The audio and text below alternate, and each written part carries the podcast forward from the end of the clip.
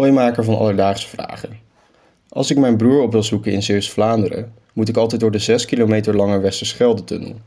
Elke keer vraag ik me af, hoe worden tunnels onder water eigenlijk gebouwd zonder dat het constant overstroomt? Alledaagse Vragen. NPO Radio 1. Dankjewel Job uit Kloetingen voor je vraag. Merel, ik dacht na over deze vraag en ik kon me bij mezelf echt niet bedenken hoe ze dat zouden doen, zo'n tunnel aanleggen. Ik krijg er helemaal hoofdpijn van als ik erover nadenk. Ik krijg vooral heel veel angstige flashbacks naar het vak natuur en techniek. Waarbij ik ooit een brug moest bouwen die minimaal drie bakstenen moest houden. En die voor mij hield er niet eens één. Eh, ik krijg vooral tunnelangst. Dat heb ik Oh ja, daar ben je ook bang voor hè? ook.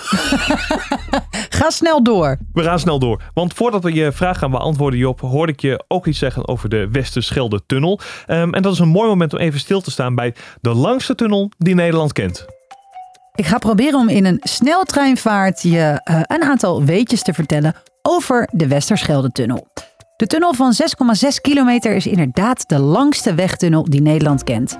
Je mag er lopend en fietsen niet in en je betaalt er tol. Behalve op bepaalde tolvrije dagen. Het was een prijzig tunneltje, want hij kostte meer dan 750 miljoen euro's exclusief BTW. Jemig. Hij loopt van Ellewoudstijk tot Terneuzen van Zuid-Beveland naar Zeeuws-Vlaanderen dus. In 2003 werd de tunnel geopend door onder andere prinses Beatrix en Humberto Tan. Wat? En sinds 2009 is de tunnel eigendom van de provincie Zeeland. Aan de binnenkant zie je soms witte vlekken. Dat zijn waterlekkages die ontstaan door het krimpen en uitzetten bij warm en koud weer. Niks om je zorgen over te maken, het hoort erbij. En een goede afsluiter, want de Westerschelde-tunnel is een boortunnel. En Aaron, wij gaan het hebben over...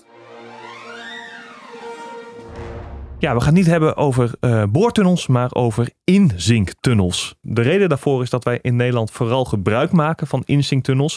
Eh, de Nederlandse bodem is namelijk behoorlijk zacht en ja, daarin boren, dat is niet echt ideaal. Dus vandaar dat we die andere soort tunnels vooral aanleggen. En om te horen hoe dat nu precies in zijn werking gaat, belde ik met Remco van den Wijgaard. Hij is ingenieur bij de bouwcombinatie Nieuw-Zuid en heeft flink wat ervaring met het aanleggen van deze tunnels. En volgens Remco gaat dat zo. Je bouwt de tunnel in een droogdok. Eh, dan maak je als het ware een stukje tunnel van 100, 150 meter lang. Eh, dan heb je meerdere elementen, zoals wij dat dan noemen, in een droogdok. Eh, als een grote betonnen schoenendoos. Eh, als de elementen klaar zijn, laat je het droogdok vol water lopen. En dan gaan de schoenendozen drijven. En dan met sleepboten breng je ze naar de locatie waar, waar de uiteindelijk de tunnel komt. En door water in te nemen, verzwaai je de elementen en gaan ze zinken. En, en daarmee kunnen ze in de reeds vooraf gebaggerde sleuf eh, worden aangebracht. Merel, jij kijkt een beetje vragend. Ik vraag me vooral heel erg af of jij eh, Remco in één keer begreep. Nee, ik eh, moet zeggen, ik voelde me tijdens het interview echt een debiel. Volgens mij heeft hij het me wel vier keer uitgelegd. Er kwamen ook termen voorbij als kopschot en genoprofiel. En ik heb hem echt bijna gesmeekt van alsjeblieft, Jip en Janneke taal. Ik eh, heb een beetje hetzelfde en daarom ga ik even bij jou checken of ik Remco nou echt goed heb begrepen. Oké.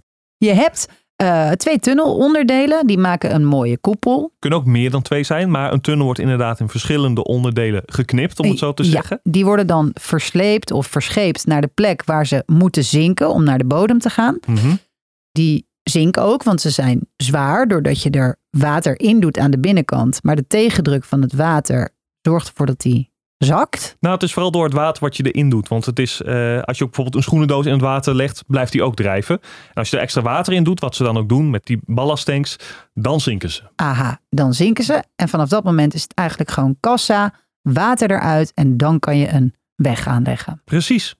Nou, pluim voor mij. Alledaagse Vragen. En dan als die tunnel eenmaal staat, dan gaat hij door de waterdruk, drukken ze die twee dingen tegen elkaar aan. Ja. Maar hoe krijg je dan het water weer uit die tunnel? Nou, dat gaat volgens Remco zo. Als je alle elementen hebt afgezonken tegen elkaar aan, dan zul je het ballastwater wat in de tank zit, wat het element dus op de bodem houdt, moeten uitwisselen voor ballastbeton. Ehm, om te voorkomen dat hij weer opdrijft. En dan eh, ah, kun je dat uitwisselen. Ja, dan, dan kan het asfalt erin. Nou, als hij het zo uitlegt, klinkt het eigenlijk toch best wel makkelijk. Nou ja, vooral omdat hij het ook uitlegt. Zoals iemand die dit snapt het uitlegt. Nou, dan doe je dit, dan doe je dat. En je hebt de tunnel. Dus Job, in deze aflevering hebben we uitgezocht hoe je een tunnel onder water aanlegt. En kort gezegd zijn er twee manieren voor. Eén is door klassiek een tunnel te boren, maar in Nederland wordt ook vaak gebruik gemaakt van de afzinkmethode. En hierbij wordt een tunnel in delen gemaakt als een soort van drijvende schoenendoos. En die verschillende delen laten ze dan langzaam zinken op de plek waar de tunnel moet komen. En zijn die tunnelonderdelen eenmaal tegen elkaar aangeplaatst, ja, dan moet het water er nog uit. En als dat is gelukt, dan heb je een droge tunnel waar het asfalt kan worden aangelegd en waar jij fijn doorheen naar je broer kan rijden. Heb jij ook nog een vraag? Stuur ons dan een berichtje op Instagram. Dat kan naar Alledaagse Vragen. Of stuur een mailtje naar alledaagsvragen.radio1.nl en dan zoeken we het voor je uit. En vergeet niet om vijf sterren achter te laten hè, als je naar ons luistert. Alledaagse Vragen. NPO Radio 1. BNN Vara. Podcast.